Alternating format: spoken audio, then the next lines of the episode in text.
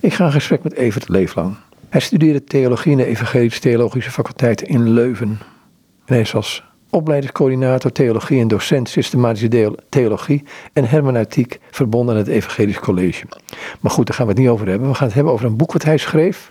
En het boek heet Tasten naar God. Een introductie in de moderne theologie staat eronder. En het boek is uitgegeven bij uitgeverij Kok Boekencentrum in Utrecht. Goed, het boek um, Tasten naar God, uh, Evert. Um, een introductie in de moderne theologie. Het gaat over de laatste twee eeuwen, dus de 19e en 20e eeuw, als ik het goed heb. Um, het is een naslagwerk. Ik heb een, het deel over de Oosterse orthodoxie ik helemaal gelezen. Ik, uh, heerlijk. Ik geniet ervan, moet ik zeggen. Um, maar eerst eens naar het boek toe. Waarom heb je dit geschreven? Ja, het boek is eigenlijk een beetje ontstaan vanuit mijn eigen colleges hier bij het uh, Evangelisch College. Ik geef hier het vak moderne theologie, geef ik al een aantal jaren. Daar hadden we al materialen voor. Alleen dat materiaal wat we hiervoor gebruikten was veel te ontoegankelijk voor de studenten. Dus dat was een soort vliegtuig dat vertrok en liet de passagiers een beetje achter op de, op de startbaan. Dus de studenten konden niks met de materie. Dus er lag impliciet ook wel een vraag al een aantal jaar van kunnen we niet naar materiaal toewerken dat uh, studenten beter inleidt in de materie van het vak moderne theologie, inderdaad die laatste twee eeuwen. Dus uh, gaandeweg was ik met het vak bezig en kwam er ruimte om er ook wat meer uh, rondom te gaan schrijven. En dat is een beetje uitgebouwd tot uiteindelijk dit boek. Dus uh, terwijl ik bezig was met het ontwikkelen van materiaal echt voor onze studenten, ontdekte ik dat er binnen het Nederlands taalgebied niet echt zo'n introductiewerk is dat gewoon toegankelijk probeert die kennismaking uh, te begeleiden met al die theologen. Uh, er zijn natuurlijk wel wat boekjes over geschreven, maar waar ik zelf naar op zoek was, was ook materiaal dat een beetje probeert verbanden te leggen, het verhaal in de bredere zin wat te vertellen van die geschiedenissen en, en een brede blik te ontwikkelen. Dus toen ik met dat materiaal bezig was, dacht ik, misschien is dit ook wel uh, de moeite waard om te publiceren. Als ik aan theologie denk, denk ik, oké, dat zijn mensen die zitten in een studeerkamer, uh, worden misschien dominee of, of, of theoloog in het beste geval. Ja, ik leef hier gewoon in het dagdagelijks leven in een dorpje en ik sta in de, in de rij bij een, uh, een supermarkt. En als ik in de bus sta en die bus is hartstikke druk, staat er geen jongere voor me op. Ik, ik zeur een beetje nu. Maar wat heb ik er dan aan? Uh, om specifiek moderne theologie te leren. Nou, wat, wat, waar dit in feite een soort overzicht van is, is een manieren van denken over God en geloof. En vanuit daar uiteindelijk ook de samenleving en cultuur. Die de afgelopen twee eeuwen zo in het westen van Europa onder andere hebben uh, dominant zijn geweest. Dus de mentaliteit van mensen vandaag de dag ligt daar natuurlijk niet direct in, maar is er wel een, uiteindelijk een soort afgeleide van. Dus om beter de wereld om je heen te begrijpen, uh, begrijpen waarom mensen bepaalde dingen wel of niet belangrijk vinden, dat vindt voor deel ook wel zijn oorsprong in, uh, in die grotere denksystemen die erachter liggen. Als ik in de wereld om me heen kijk, dan is daar het mechanische denken, als ik het zo mag noemen, um, sinds de verlichting, um, heeft een beetje de upperhand gekregen, ook in het christelijk denken, dacht ik. Die, die kans is er denk ik altijd wel geweest uh, binnen verschillende denominaties en verschillende stromingen. Om inderdaad vooral te, misschien ook wat te denken in termen van, we zijn christen vanuit een bepaalde zoektocht naar resultaat. Ja, resultaatgericht denken zit denk ik veel in, uh, in allerlei opvattingen over kerk en geloof vandaag de dag. Ja, maar ook het denken wat God eigenlijk langzaam bezig is buiten te sluiten. Het hele verhaal van ontkerkelijking en ontgoddelijking en, en uh, veel meer gesloten wereldbeeld waar vandaag de dag in principe vanuit wordt gegaan, vanuit wordt gesproken.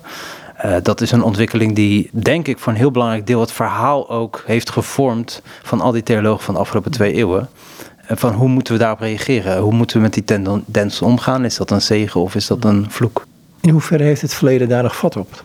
Ik denk in veel opzichten nog wel.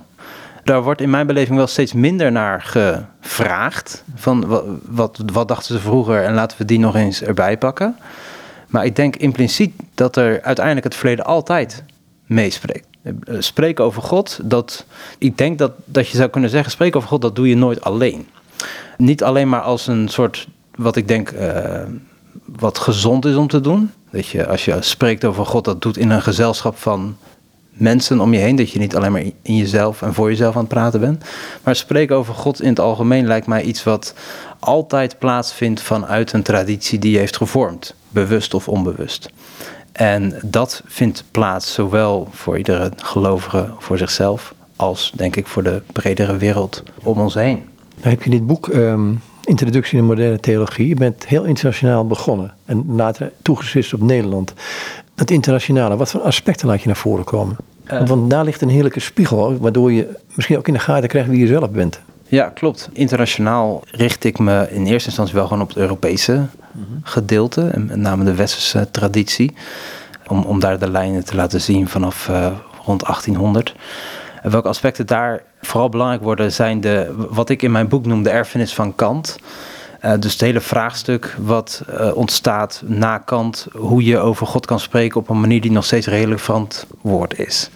En die aspecten, die probeer ik eigenlijk bij veel theologen terug te laten komen. Hoe wordt Kant verwerkt in dat opzicht? Uh, je hebt bijvoorbeeld een hele brede uh, vrijzinnige stroming. Die zegt, oké, Kant moeten we uh, min of meer gelijk geven... in dat hij zegt, nou, over God spreken in directe zin... een metafysica in directe zin, dat is gewoon niet mogelijk... Dus als we het over God hebben, dan hebben we het vooral over datgene wat we nodig hebben om hier gewoon fatsoenlijk met elkaar te kunnen leven. Als vooronderstelling. Dus laten we van theologie vooral een soort ethiek maken.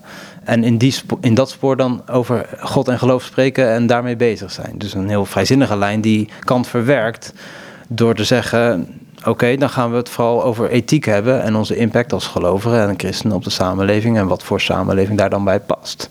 Nou, dan, dan ben je in principe heel eigentijds over God aan het spreken, want je voldoet aan de, de criteria die daar dan uh, onder andere door Kant uh, aan zijn gesteld. Maar goed, dat, je kunt juist ook dat benaderen vanuit de reactie en zeggen: Dit is precies juist het probleem. Uh, dit uh, kant moet overwonnen worden. Door bijvoorbeeld het gezag van de Bijbel opnieuw te gaan benadrukken, zodanig dat, het een, dat de inspiratie en de onfeilbaarheid en heel veel evangelicale tendensen daarin uh, voor zorgen en borgen dat het nog steeds verantwoord is om met behulp van de Bijbel over God te spreken.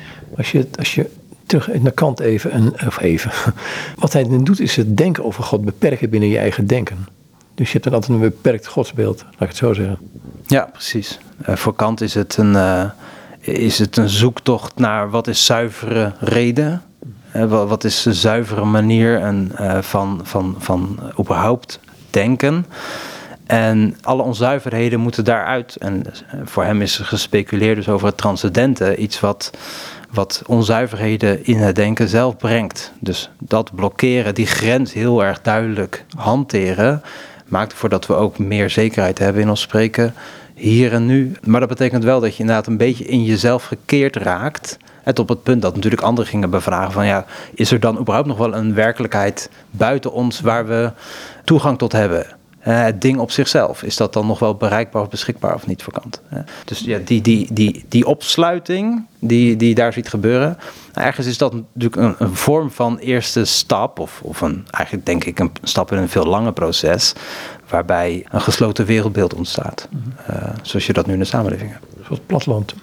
Ja, een beetje platland, ja. Ja, ja precies. Dus eigenlijk alles vanuit een andere dimensie is, ja, dat kan gewoon niet kan niet of is niet wenselijk. Want die tendensen zitten daar natuurlijk ook wel bij.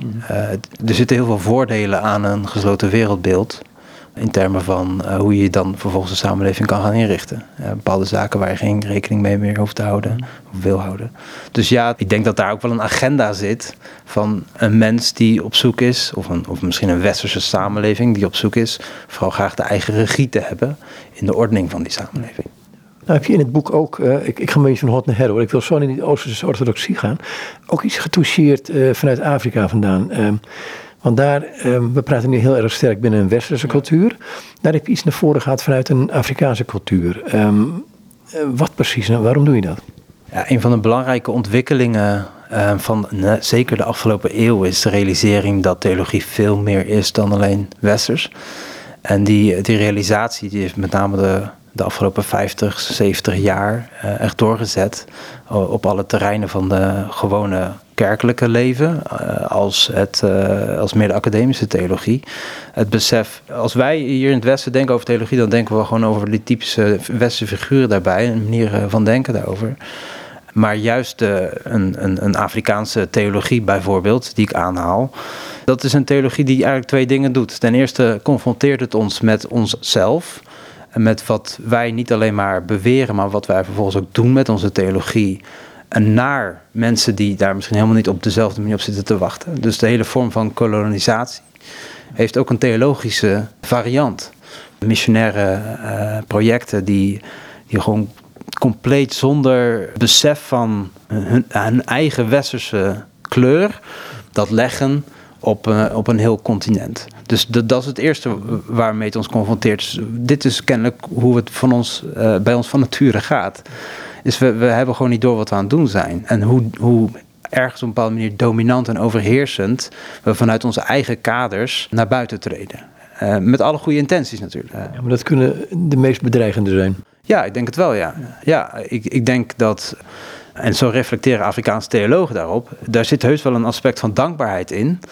Maar er zit misschien wel een dieper besef in van, uh, we hebben behoefte aan bevrijding van datgene wat ons allemaal wel niet is opgelegd en de mallen waar al onze manieren van geloven in zijn geduwd. Dus dat eerste aspect van de realisatie van dit is kennelijk wat wij soms kunnen doen uh, vanuit onze eigen beperkte kaders.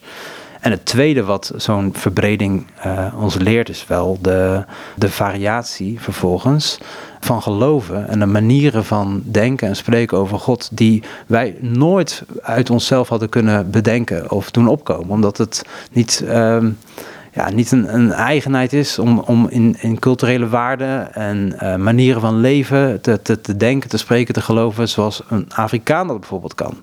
En die veelkleurigheid, dat is natuurlijk een enorme uitnodiging om je eigen uh, theologie ook mee te verrijken. Heb je daar een voorbeeld bij? Ja, ik vind bijvoorbeeld die ik aanhaal in mijn boek uh, Kwame Bediako, Ghanese theoloog, die heel erg ook op dit thema zit van wat is nou de verhouding tussen westerse theologie en uh, Afrikaanse theologie. Uh, geeft daar, vind ik zelf, heel mooie invulling aan. een van de kernpunten die hij bijvoorbeeld benadrukt is hoe in een Afrikaanse cultuur en context geloof het gehele leven raakt. Afrikaanse theologie streeft ernaar om niet maar theologie te maken tot een van de aspecten van het leven waar je ook ideeën over hebt. En, en misschien dat je zondag naar de kerk gaat en daar wat mee doet. Maar, maar geloof, omdat de, de religieuze manier van, uh, of hoe moet ik zeggen, de, de opvatting van religie is niet dat het een segment is van het leven. Um, maar het, het hele leven al van oudsher in Afrika is vanuit de religie opgebouwd.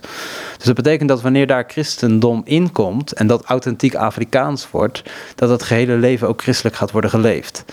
Nou, ik als westers gelovige en theoloog leer daarvan, kijk in een spiegel die mij voorhoudt, hoe ben ik eigenlijk mijn theologie of mijn leven aan het compartimentaliseren op zo'n manier dat het, dat het maar een stukje christendom is en allerlei andere dingen die ik doe, seculariseer ik in feite, ook een beetje in het verlengde van wat ik in de omliggende cultuur zie gebeuren. Ik, ik moet hierbij denken, misschien ga ik te ver nu aan uh, wat in het verleden dus uh, de samenhang uh, kerk-staat was en die, die, die losgemaakt zijn van elkaar. Zit dat daar dichter bij elkaar in deze gedachte? In Afrikaanse context denk ik zeker dat daar vanuit de überhaupt de, hele levensopvatting um, er, er, er niet ruimte zou zijn voor een seculiere staat. Dat dat niet een heel denkbaar concept is. De staat en de samenleving als geheel is een, juist een heel wezenlijk onderdeel van de Afrikaanse mentaliteit en, en denkwijze. Het, is, wij denken vanuit het individu en de Afrikaan denkt vanuit de gemeenschap. Dus de samenleving als grotere gemeenschap en dus de staat die daar een belangrijke rol in speelt, ja, dat kan nooit buiten het religieuze omgedacht worden zit ik weer bij mijn, wat ik mee begon. Theologie is voor de studeerkamer. En als ik bij de celbediening in de rij sta, dan gebeuren er andere dingen. Um, hoe kun je het bij elkaar brengen, die twee? Is het überhaupt mogelijk? Ik denk dat het begint bij jezelf.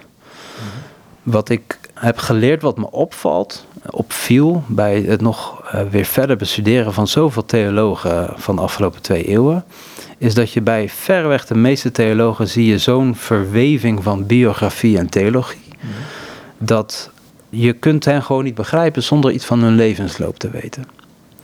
En wat zij dus kennelijk hebben gedaan, en dat heeft voor een deel denk ik ook ervoor gezorgd dat ze succesvol waren in hun theologie, in de zin van dat het aansprekend was, is dat zij, zij wisten die twee op elkaar te betrekken. En dat begon gewoon in hun eigen concrete levenssituatie.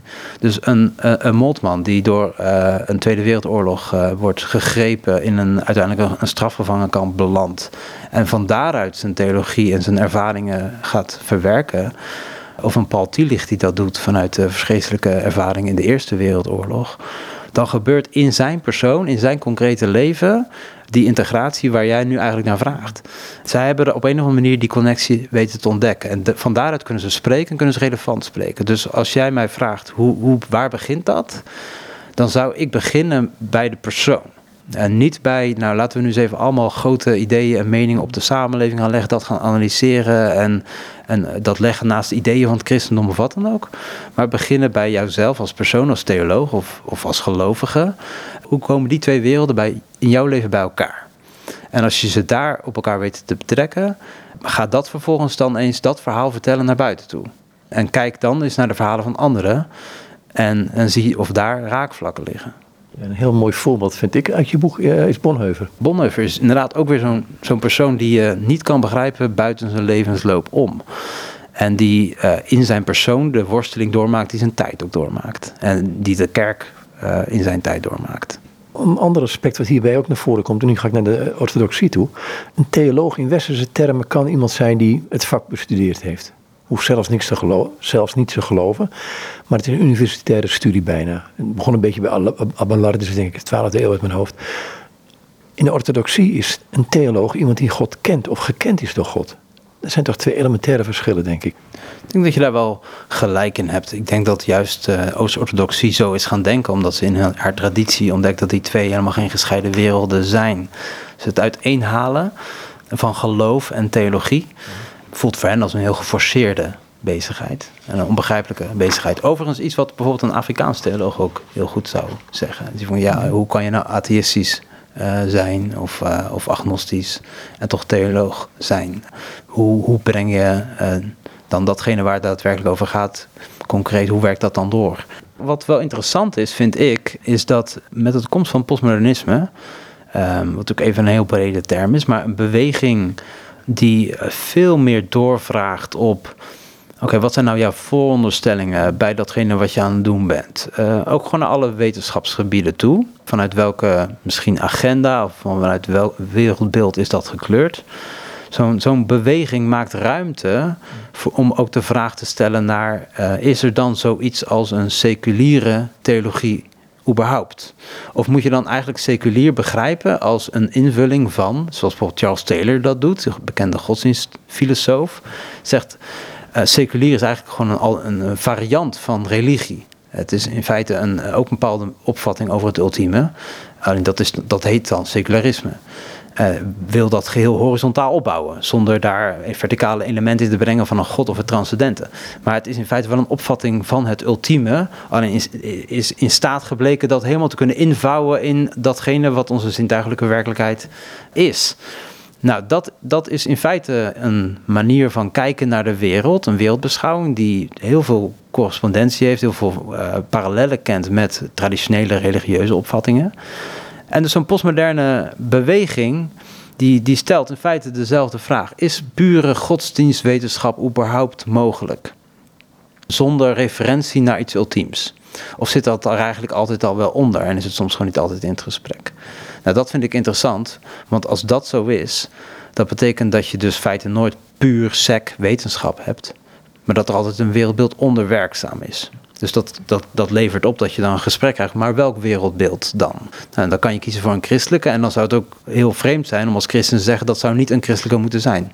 Ja, ik ben het je eens. Ik ga naar die orthodoxie toe, want daar wordt het seculiere wereldbeeld door een van hun vertegenwoordigers uh, als een ketterswereldbeeld gezien. Ja. ja, heel interessant. Dat is een beetje raakt aan wat ik net zeg. Je hebt dan over Smeeman, die, die veel heeft geschreven over, uh, over ook secularisatie. Was in zijn tijd ook een heel belangrijk proces wat, wat speelde in Amerika. Die, die zegt, ja, je, je zou het kunnen zien als een vorm van ketterij waarmee dus precies de religieuze aard van een seculiere beweging aanwijst. Het ontgoddelijke van de wereld betekent dat je de wereld op zichzelf gaat nemen, ontdoet van haar, uh, in jouw ogen, transcendente aspecten daarvan. Uh, God staat daar buiten, het, het heeft, heeft, dat is helemaal niet meer aanwezig. En die opvatting zelf is in feite een verdraaiing van de werkelijkheid. Dat is in feite een religieuze uitspraak, te zeggen dat er geen God is. Maar wat is zijn overtuiging dan? Want hij zet er iets anders tegenover.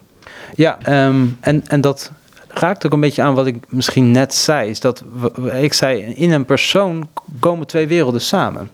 Daar, daar komt de, wereld waar we gewoon vandaag de dag in leven en dan zijn geloof. En het spreken over God en het denken over God. En wat Smeeman zegt, geïnspireerd door liturgie, en wat in de Oost-orthodoxie heel centraal staat, is in die liturgie de Eucharistie. Dat is het centrum van waar het eh, in de samenkomst eh, van de kerk om draait. Mag je uitleggen wat het is? Als je nadenkt over de Oost-Orthodoxe samenkomst, dan, dan wat, wat heel belangrijk is, daar is de ontmoeting met God, als ik het even heel simpel mag zeggen. Eh, de kerk is de hemel en aarde verzameld op één plek. Dus die, die, de kerk is, is een, een ruimte waar God en de mens elkaar kunnen ontmoeten. Precies. Dat is hoe een Oost-Orthodox denkt over de kerk. Het is wat Jezus was in zijn persoon, namelijk goddelijk en menselijk bij elkaar. Dat vindt nu plaats in de kerk zelf. En dus als hoogtepunt daarvan de Eucharistie, het moment dat de sacramenten uh, gebracht worden in de samenkomst. Brood en de wijn, dat zijn de tekenen van dat moment van het goddelijke en het menselijke dat verenigd wordt. Dus dat is het hart van de samenkomst. Nou, wat Schmeeman daaruit leert, is dat hij uh, zegt: als dat de opvatting is voor hoe God het bedoeld heeft, uiteindelijk voor heel de schepping, namelijk het, het goddelijke en het menselijke dat samenkomt, dan is de, het doel en de missie van de kerk, en dus ook van de mens in die kerk, om dat goddelijke en menselijke te verenigen. Dus het samen te brengen in feite van die twee werelden. En dus juist het weghalen van het goddelijke uit de wereld is de tegengestelde beweging die hij voorstelt. Dus wat hij in feite zegt, vind ik wel mooi hoe hij dat in een beeld vangt, dat is me altijd bijgebleven, is dat hij zegt, de mens is ten diepste een eter. Hij eet zich door zijn leven heen. Um, hè, want uh, je, je bent uh, in, in, in, in de wereld, je hebt voedsel nodig en, en drinken nodig om te kunnen blijven bestaan. En hoe dat eigenlijk werkt, is dat je een stukje schepping tot jezelf neemt, dat verwerkt en daardoor kan je verder. En hij brengt dat samen met de Eucharistie en zegt: Wij eten in de Eucharistie en op die manier verwerken we een stukje wereld in onszelf en, en vormen daarmee dus leven. Dus wij, wij zijn bedoeld om de wereld te eten. En wij zijn bedoeld om de werkelijkheid van God bijeen te brengen en daar leven uit te laten voortkomen. Dus het stukje eucharisteren, wat hij noemt, van, van, de, van, van de wereld, dat vindt in de mens plaats. Het goddelijke en menselijke verenigt zich in de mens zoals dat in Christus ook plaatsvond. Kun je het verder uitleggen? Want nu het blijft hangen bij mij nu, hè? Ja, ik snap hem.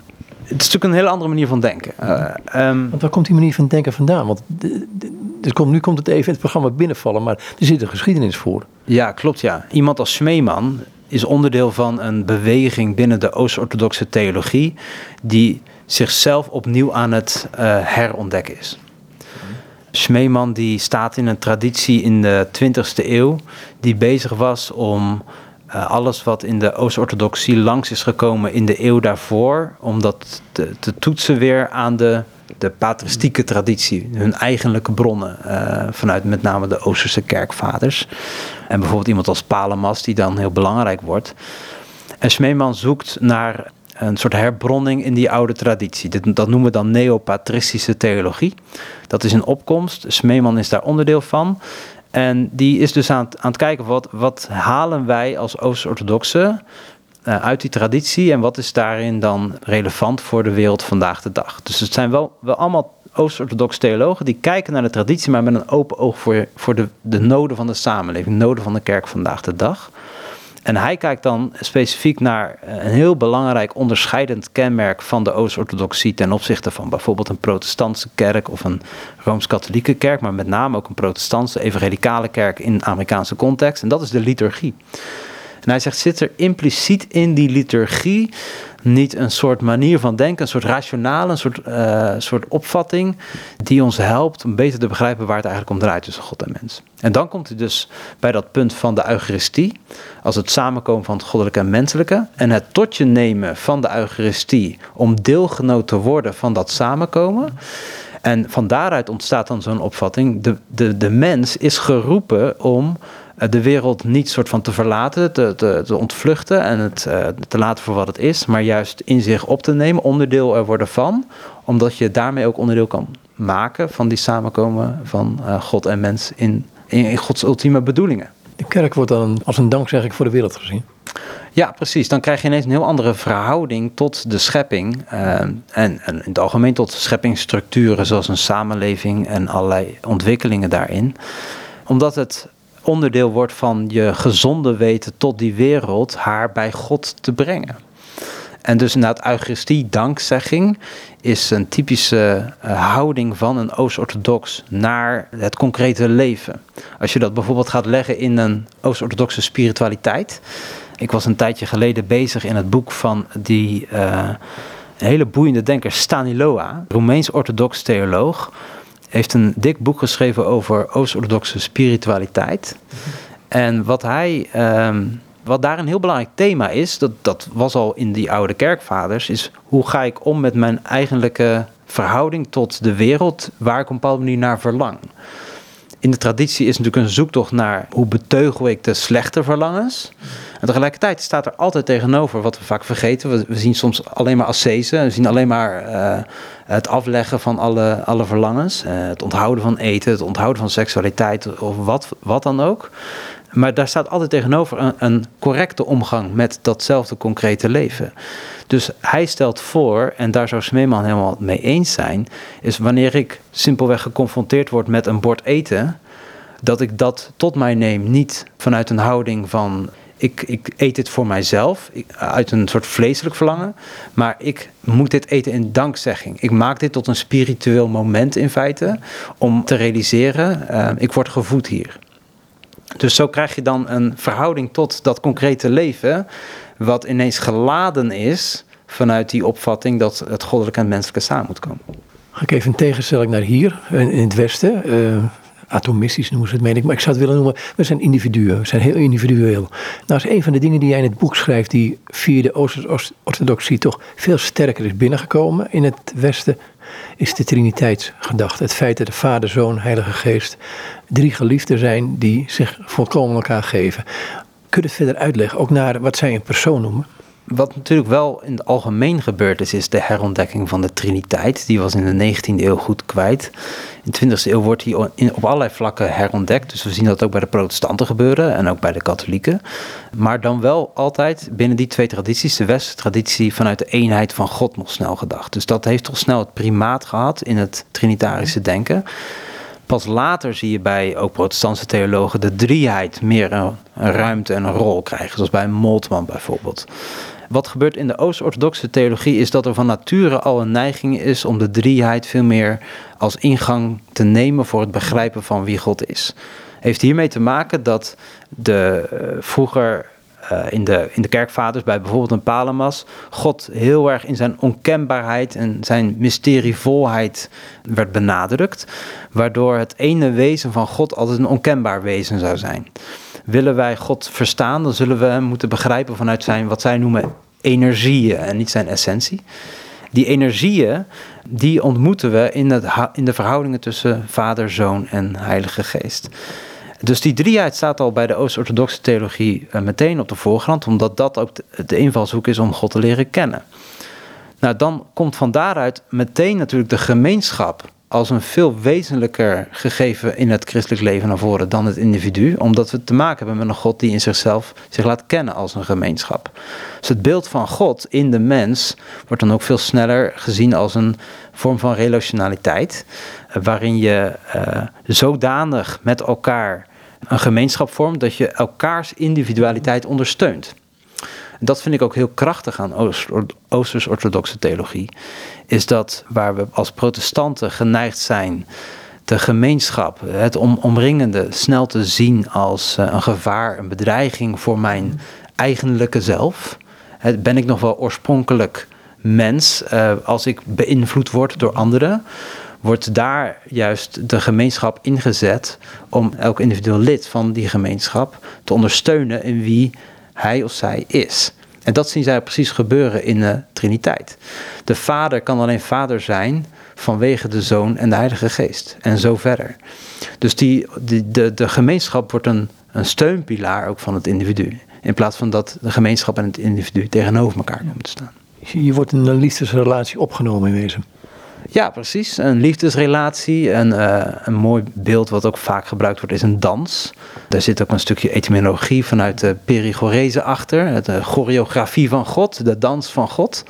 Het is een samenwerking, ook in dans, die uh, ertoe leidt dat de partner tot zijn recht komt.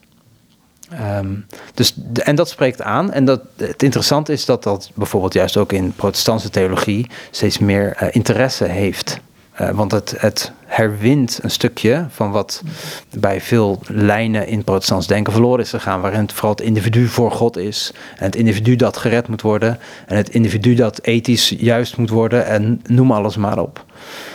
Dat betekent, uh, als je dan vraagt naar persoonsbegrip, dat wie ik ben, heeft alles te maken met de gemeenschap waarin ik leef en hoe ik mij verhoud tot die gemeenschap. En heeft soms ook gewoon heel erg te maken met wat betekent de gemeenschap voor mij. Dus is de gemeenschap een gemeenschap die mij ondersteunt in wie ik ben? En ben ik zelf in de gemeenschap aanwezig ter ondersteuning van de ander? Dus heel mooi hoe dan in Oost-orthodoxe theologie wordt gezegd: het individu richt zich niet op zichzelf, maar richt zich op de ander. En juist daardoor komt hij tot zichzelf. En zij linken dat ook weer trinitarisch aan de ontlediging bijvoorbeeld van uh, de zoon voor de vader als een zelfovergave, waardoor juist een Gods plan gerealiseerd kan worden. Dus er zit in het weggeven van Jezus, van zichzelf, zit de winst van zichzelf. Dus dat is in het persoonsbegrip vanuit Oost-orthodoxe theologie begrepen, zit het volwaardig worden wie je bent. De route daar naartoe is juist het afleggen van wie je bent voor de gemeenschap. Dus in je relatie naar Jezus toe, ik zeg het even heel evangelisch nu, kun je jezelf worden. Ja, en misschien nog wel heftiger. Um, ik vind mijzelf pas wanneer ik mijzelf ook aan mijn, aan, mijn, mijn uh, geloofsgenoot in de gemeenschap heb gegeven. Dus ik ben niet in de kerk primair bezig met mijn zelfbehoud, maar misschien primair bezig met mijn zelfovergave. Wat voor protestanten heel riskant voelt, want zit het wel goed tussen jou en God? Is het altijd de dominante vraag geweest waar, wat ons drijft in allerlei uh, vormen van prediking en onderwijs. Maar misschien is juist wel de, de grootste winst te behalen in, in het verlies soms van het bezig zijn met je eigen behoud in de, in de kerk. Ja, je zou 1 Korinthe 13 nu kunnen lezen. Ja, dat vind ik heel interessant dat dat precies staat in die hoofdstukken 12 en 14. Die gaan over de gemeenschap. Is dat dat pas functioneert op voorwaarde dat je bereid bent eigenlijk niks van jezelf te maken. Dan heb je het ook over autonomie en dat loslaten van een westerse mens. Oei.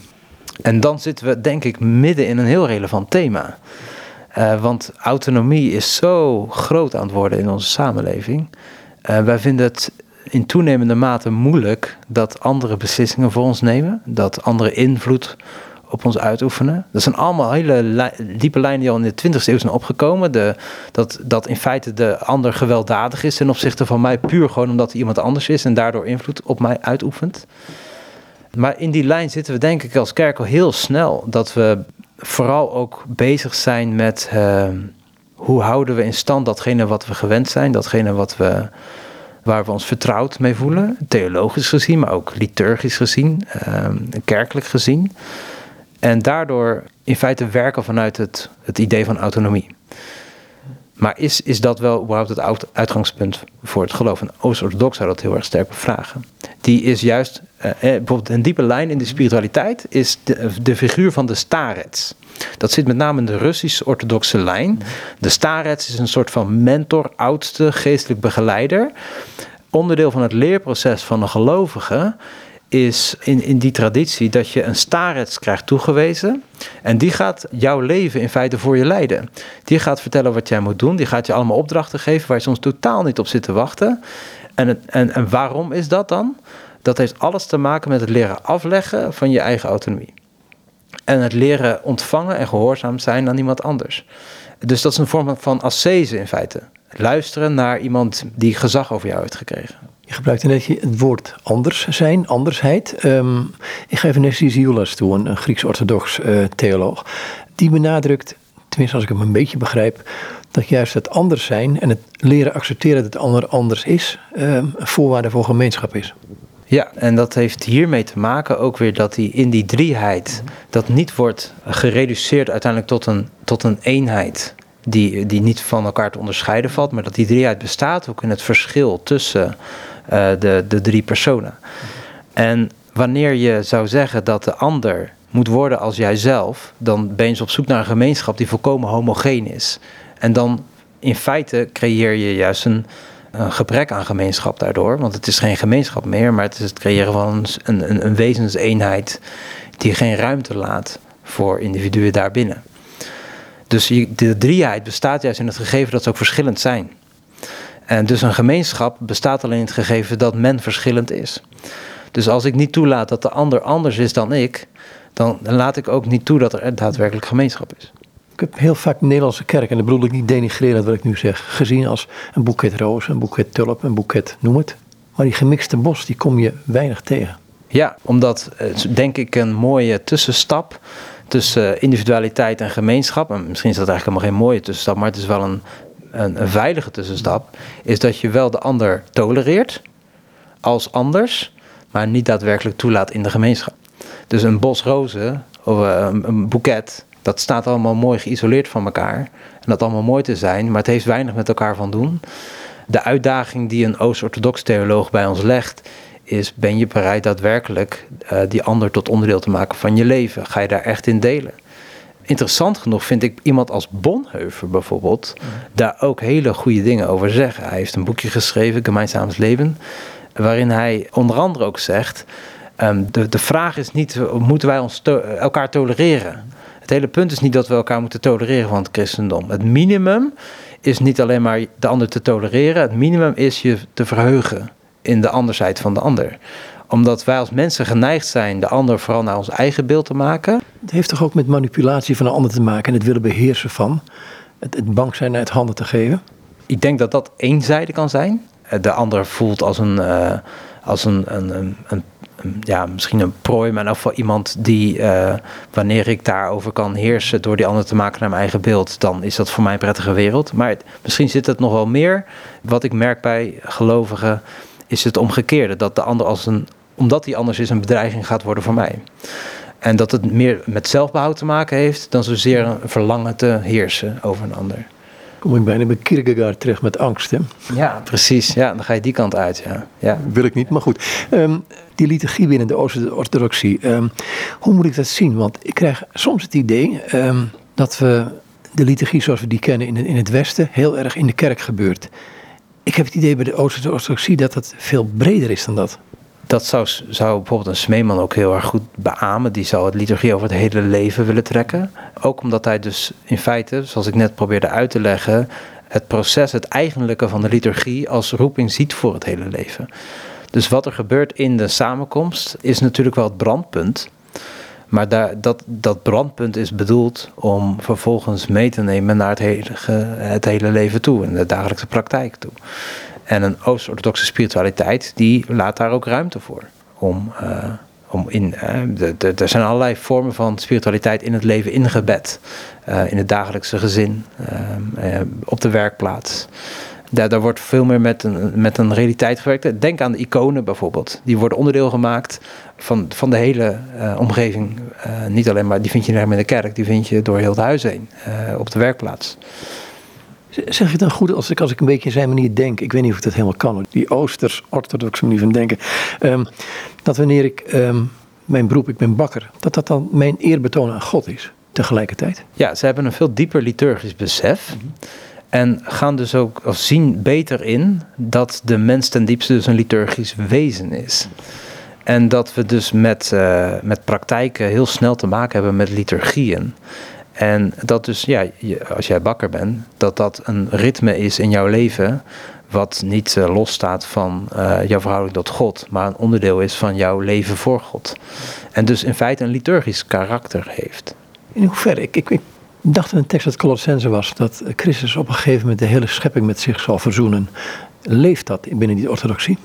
Wat je ziet is dat Christus continu daar de, het centrum is van waar het voor het geheel eigenlijk onbedoeld is.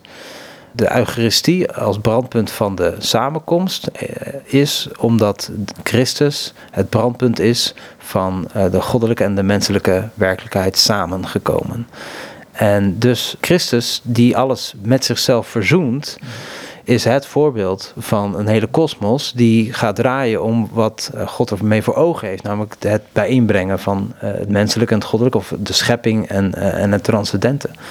Dus daarmee wordt heel de schepping een, een, een, een jij zou kunnen zeggen, een soort plek van verzoening, waar verzoening moet gaan plaatsvinden. En, en is de helsgeschiedenis, zoals bijvoorbeeld een, een Vladimir Losky die beschrijft, is een geschiedenis van telkens het overwinnen van allerlei dualismen die in die schepping zijn ingetreden. Het steeds weer bij elkaar brengen van allerlei tegenovers. En is dus zo'n beeld van Colossense 1 typisch een illustratie van waar het op allerlei terreinen van het leven in feite om draait. Het overwinnen van een tegenstelling tussen God en mens, maar soms ook gewoon tussen mensen. In, in niet herstelde relaties of in een samenleving die gebroken is, die uit individuen bestaat en die dus, zoals bijvoorbeeld een Sisi zou zeggen, gede-individualiseerd moet worden om weer op God te gaan lijken. Dat zijn in feite allemaal verzoeningsprocessen, want het zijn allemaal tegenovers die moeten worden overwonnen. Een van de dingen die ik lees in die orthodoxie in jouw boek is ehm, dat de gemeenschap ontstaat, ook de liturgie ontstaat, in gebed. Of in gebed, in gebed. Ja, dat is een afgeleide van een besef binnen Oost-Orthodoxe theologie dat uh, de wet van het gebed is ook de wet van uh, de theologie en van het spreken over God. En dan keren we een beetje terug bij de vraag: kan je theoloog zijn zonder daar vanuit je geloof ook in te participeren? Voor een orthodox hangt die twee juist precies met elkaar samen, behoren ze samen te gaan. Een theoloog die uh, bidt, die is in de praktijkcontext van datgene waar hij over spreekt. Als protestant kan je bijvoorbeeld geneigd zijn uh, te denken dat wanneer je theologie studeert, dan moet je het boek erbij pakken. En dan gaan we het boek, de Bijbel, bestuderen en, en die gaan we ontleden, die gaan we op een rij zetten. En bijvoorbeeld klassieke uitspraken van, van conservatieve theologen uit de 19e eeuw. Dus theologie, dat is simpelweg het, het ordenen van de feiten uit de Bijbel. En dan hebben we gewoon een systeem gebouwd wat min of meer direct ontleent aan de Bijbel. Voor een Oost-orthodox is de eigenlijke bezigheid van de gelovigen in de ontmoeting met God. En dus het gebed is precies die uh, plaats waar de theologie op reflecteert. En dus zal het ook heel raar zijn om vanuit, uh, als theoloog, dat heel steriel te gaan doen. Zonder daadwerkelijk in die praktijkcontext te staan. Hoe werken zij dit uit? Um, een heel traditionele opvatting is dat uh, waar het zich op richt, is uiteindelijk in een eindeloos gebed te leven. dus dat met elke ademtocht er, er een Jezusgebed plaatsvindt. Een ontfermingsgebed naar God toe.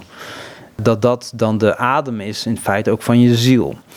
Nu is dat, dat is dan een ideaal dat met name voor een kleine groep is weggelegd. Maar het zegt wel iets over wat voor een grote groep bedoeld is. En dat is te leven in een permanente omgang met God. En dus zou een theoloog die niet in staat is om bijvoorbeeld die afgezonderdheid van een kloostercel op te zoeken, zal wel willen volledig delen in een liturgie en dus in een gemeenschap, een Oost-Orthodoxe kerk, om volwaardig theoloog te kunnen zijn en daar te kunnen functioneren. Dus zijn liturgie wordt ook zijn huis, waarbinnen die participeert. Hij is daar aanwezig door het te doen.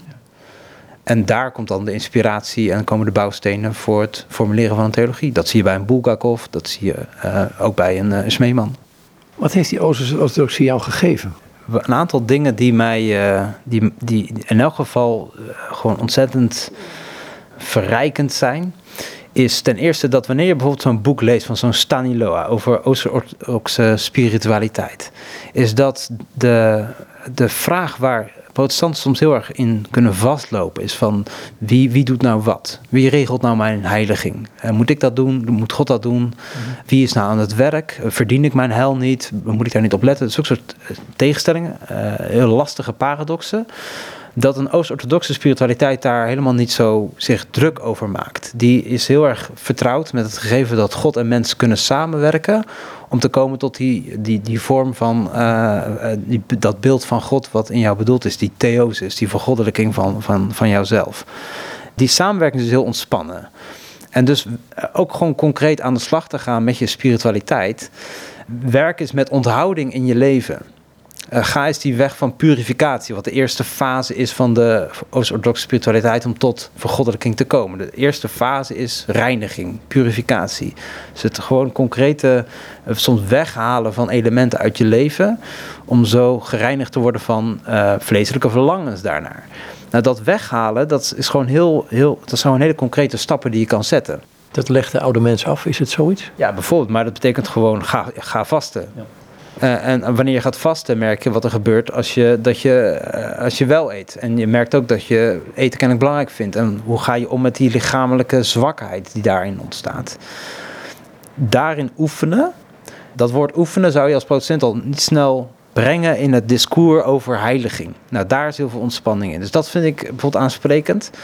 Maar wat ik bijvoorbeeld ook heel boeiend vind om, en daar wil ik nog verder naar kijken ook, is je ziet bij de Oost-Orthodoxe traditie heel veel ruimte voor het ontmoeting van het menselijke en het goddelijke en het samenbrengen van die zaken. En dat uh, het heil ook niet per se gericht is op alleen maar zonde vergeven en, en mijn, mijn schuldlast kwijtraken.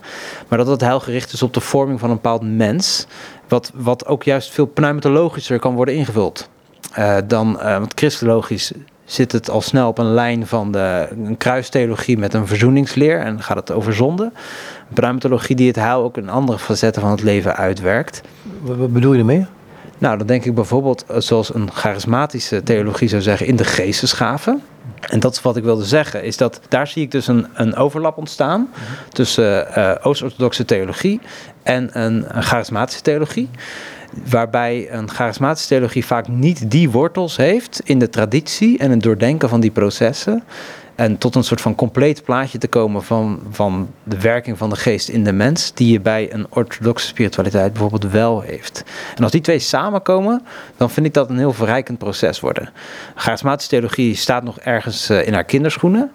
En vindt denk ik in een Oost-orthodoxe theologie de, de bronnen om zichzelf te verdiepen en stabieler te worden en ook te waken voor excessen. Een heel mooi voorbeeld vind ik uh, recent Peter Haldorf. Die brengt die twee ook precies samen. En daar gebeuren denk ik hele goede dingen, want je krijgt een hele gebalanceerde pneumatologie zonder dat het gereduceerd is. En vaak zien wij bij protestanten met name dat balans pas ontstaat als we reduceren. Ja, leg het eens uit. Dat we het klein maken en daardoor uh, verschonen van excessen, maar daardoor ook de breedte gaan missen. Iemand die jij noemt in je boek is, is meneer Losky. Um, hij zegt, eh, de Russische orthodoxe theologie kan niet anders dan mystiek zijn. Klinkt in onze oren vreemd, maar Bonhoeffer zegt hetzelfde. Ja, klopt. En het, het boeiende bij Losky is dat het ingebed is in uh, een heel diep besef van de, de onkenbaarheid van God. En de ongrijpbaarheid van God, wat ten diepste ook wel een heel protestants thema is. -hmm. God als hoogverhevene boven alles ergens heeft dat heel veel raakvlakken met een Oost-orthodox theologie die zegt God is dermate groot, daar kunnen we niet zomaar direct over spreken. Dus we moeten naar een soort negatieve theologie gaan bijvoorbeeld. Dus als een Losky het dan heeft over mystiek, dan probeert hij in feite voor een heel deel hetzelfde paadje af te lopen als bijvoorbeeld een Karl Barth, die God ook wil bewaren voor al het menselijke hier. Het boeiende bij Losky is alleen wel dat hij dus wegen vindt om niet maar bij zwijgen te blijven, maar onderdeel te worden van die goddelijke tegenwoordigheid. Hij heeft daar natuurlijk een bepaalde theologie voor nodig. Maar een, een theologie moet mystiek zijn, moet in dat besef plaatsvinden dat God niet direct te bespreken valt. Dat, dat betekent niet een soort anti-intellectueel of anti-rationeel benaderen van hem. Maar dat betekent dat we altijd in het al het rationele en intellectuele wat we zeggen, dat God dat, dat ontstijgt op een bepaalde manier. En hoe kunnen we dan toch onderdeel worden van omgang met God? Dat is dan via een spiritualiteit die het mystieke ook in zich draagt. Ja, Paulus zegt, gij hebt God leren kennen. Dan hebben we het over de persoon God. Ja, en voor Losky zou het persoonlijke van God, zal een mystieke theologie ervoor behoeden zo zweverig te worden dat het een soort al wordt waar je in kan verzinken. Hij zal zeggen dat ik, ik wil uh, omgang met God. Ik moet tegelijkertijd handhaven dat hij helemaal niet bespreekbaar is ten diepste. Ik moet echt een, oprechte, volledige negatieve theologie honoreren. En tegelijkertijd kan ik niet in stilzwijgen vervallen. Dus wat hij doet is een mystieke weg openen, als het ware, waarin je deelgenoot wordt van het goddelijke. Dat dat op allerlei niveaus ook plaatsvindt die het rationele overstijgen, maar wat wel degelijk inhoud heeft. En dus moet een. Uh, uh, moet er een godsbeeld ook zijn die ruimte laat voor het enerzijds delen in God. En tegelijkertijd toch ook op afstand kunnen blijven van God. Daar is Oost-orthodoxie heel erg mee bezig. Want zij ziet als doel van de mens ook dat het de mens goddelijk wordt. Maar daar bedoelt zij nooit mee dat hij precies als God wordt. Maar dat datgene wat God wil meedelen van zichzelf in de mens, dat dat ten volle tot uiting kan komen. Dus je krijgt een beeld, beeld beeld van God, Christus. Ja, precies. Het beeld van God als Christus, het imago Dei, het, het godsbeeld in de mens gelegd, dat dat volledig de ruimte kan krijgen, tot ontplooiing kan komen. Dus er zal een, een deelgenoot moeten zijn van God en tegelijkertijd er niet in God opgaan. De persoon van Christus doet precies dat. In zijn mens zijn is het goddelijke en het menselijke gezamenlijk aanwezig en volwaardig aanwezig. En, en maakt bijvoorbeeld Losky de vergelijking met hoe warmte in een, uh, een stuk metaal zit. Wat dus niet hetzelfde is als het vuur dat dat doorgloeit. Maar tegelijkertijd wel volledig uh, um, op een manier mee in harmonie is. Nou, waar het om gaat is, dat is een, een deelgenoot worden aan God die ook het verstandelijke ver te boven gaat. En, en dus ook vraagt om een spiritualiteit die niet alleen maar rationeel is of intellectueel of cognitief, maar waarin de hele mens betrokken is. Terwijl wij denken vaak, ja, het is iets geestelijks alleen.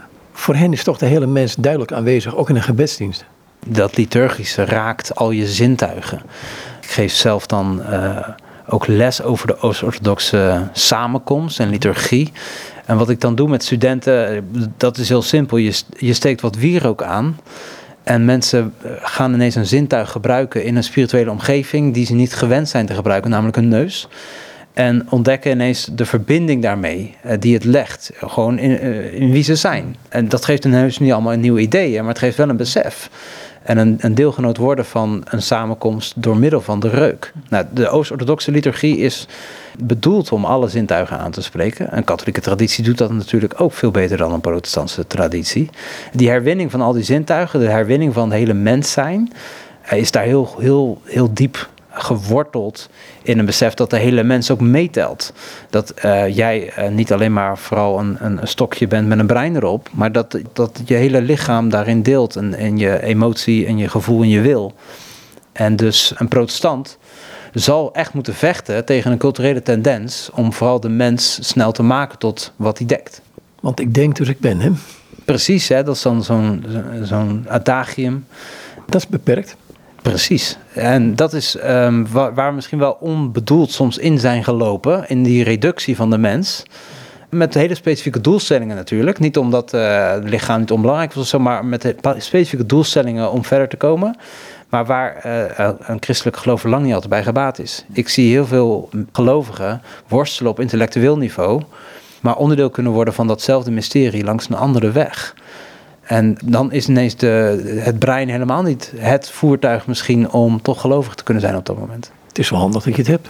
Het is wel handig dat je het hebt, ja. Dus uh, theoloog moeten we blijven, ook met ons uh, verstand, ja. Uh, en tegelijkertijd, en dat vind ik het mooie, denk ik, ook aan een, een breder werk, is dat je, je, je sluit dingen niet op in één enkel stukje. Dus we, we, moeten niet het verstandelijke maar wegdoen. We moeten niet het lichaam maar wegdoen. Je wil ze soort van allemaal recht doen. En we hebben denk ik elkaar in de kerk ook nodig om elkaar daaraan te herinneren. En daarom is de conversatie tussen tradities zo belangrijk. Uh, niet om elkaar maar alleen maar te bevechten op wie heeft nou echt gelijk. Maar veel meer om elkaar in balans te houden ten aanzien van eenzijdigheden die er op allerlei manieren via cultuur of gewoonte erin kunnen sluipen. Nou lijkt traditie vaak overboord gegooid te worden, maar is het dan nodig? Dat is doodzonde. Dat is doodzonde. Traditie is er altijd. Ook de traditie van het afwerpen van tradities. Dus er zit altijd traditie. Dus het is ook een illusie te denken dat we, dat we met tradities wegwerpen daadwerkelijk doen wat we zeggen dat we doen. Maar het is, het is natuurlijk ook een, een soort opvatting die beweert eigenstandig te komen tot datgene waar we mee bezig zijn, bijvoorbeeld in het geloven in de theologie. Dat is, daar zit impliciet heel veel hoogmoed in. Uh, ik, ik regel het zelf, ik heb de ander niet nodig. Nog één vraag. Um, je had het net over vergoddelijking. Opgenomen worden in de drie eenheid. Uh, ik in mijn eigen woorden um, het beeld van Christus wat gesteld in jou krijgt. Blijf je dan 100% Evert? Ik denk dat ik nog niet 100% Evert ben. Dus dat betekent dat mijn deelname aan dat geheim pas de weg is tot die 100% Evert. Het is een verlies natuurlijk van heel veel van mijzelf. Maar de vraag is of dat een, mijn authentieke zelf was. Of dat ik juist in het afleggen van, uh, van mijzelf in het leven uh, met God, uh, juist datgene ook afleg wat niet eigenlijk bij mij hoort. En juist de ruimte maakt voor mijn eigenlijke zelf. Tasten naar God, waarom die titel? Omdat het wel heel mooi woorden geeft aan, denk ik, iets wat resoneert bij veel mensen. namelijk dat we niet meer zo in deze tijd vanzelfsprekend over God het kunnen hebben. De vanzelfsprekendheid is eraf. Dat is een tendens die al twee eeuwen op een bepaalde manier aan de gang is. En dus al die theologen die hierin beschreven worden en stromingen, die ervaren de niet vanzelfsprekendheid van het geloof in met name een westerse context. En dus ze zijn op een bepaalde manier, in elk geval voor de cultuur, maar ook vaak voor zichzelf, als ze echt onderdeel worden van die cultuur, aan het tasten. En daarom is de titel wel een mooie uh, verbinding tussen wat, wat wij vandaag de dag denk ik allemaal ervaren. Hoe spreek je vandaag nog relevant over God en, de uitdaging die daarin ligt. En de brug naar dan die uh, twee eeuwen van allemaal hele bijzondere mensen. En ik ben het lang niet met al, allemaal eens. Dat kan ook helemaal niet, want ze spreken elkaar soms tegen. Maar ik kan ze allemaal wel heel erg waarderen in het feit dat ze op zoek zijn. Dat ze proberen het niet maar gewoon te houden bij wat het is alleen maar. Of, uh, of niet willen nadenken over een relevante theologie, maar die uitdaging durven aan, aangaan. En dan misschien soms een beetje tastend overkomen, waar heel vaak dan veel over valt op te merken en aan te merken. Van ja, dat is allemaal eenzijdig dit of dat. Maar ze gaan het wel aan. En daar heb ik uh, bewondering voor. Dus dat tasten, dat, dat is de brug eigenlijk tussen wat wij, denk ik, in onze context aan het doen zijn en wat zij ook al aan het doen waren. En dan denk ik, laten we ook eens naar hen luisteren. Want we proberen zo vaak het wiel uit te vinden. Uh, concreet rondom oorlogssituaties in de wereld we hebben een, uh, zoveel theologische bronnen die in een situatie van Tweede Wereldoorlog bijvoorbeeld hebben gereflecteerd op wat dat betekent voor jou als christen. Waarom pakken we die niet gewoon nog eens wat meer erbij? Waarom proberen we het allemaal zelf weer in onze eigen uh, manieren van denken op te lossen? Terwijl bijvoorbeeld hun, hun werken, hun preken uit die tijd. Ik was laatst met Berkhoff bezig, uit de oorlogstijd en zijn preken. Daar staat gewoon zoveel goeds in. En laten we ze aan tafel zetten en met, met ze in gesprek gaan.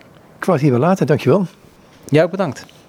En dit is Evert Leeflang en met hem sprak ik over het door hem geschreven boek Tasten naar God. Een introductie in de moderne theologie. Het is een boek uitgegeven bij uitgeverij Kok Boeken, Centrum Uitgevers in Utrecht. Het is een naslagwerk en zeer de moeite waard. Goed dan, nogmaals tot zover dit gesprek met Evert Leeflang.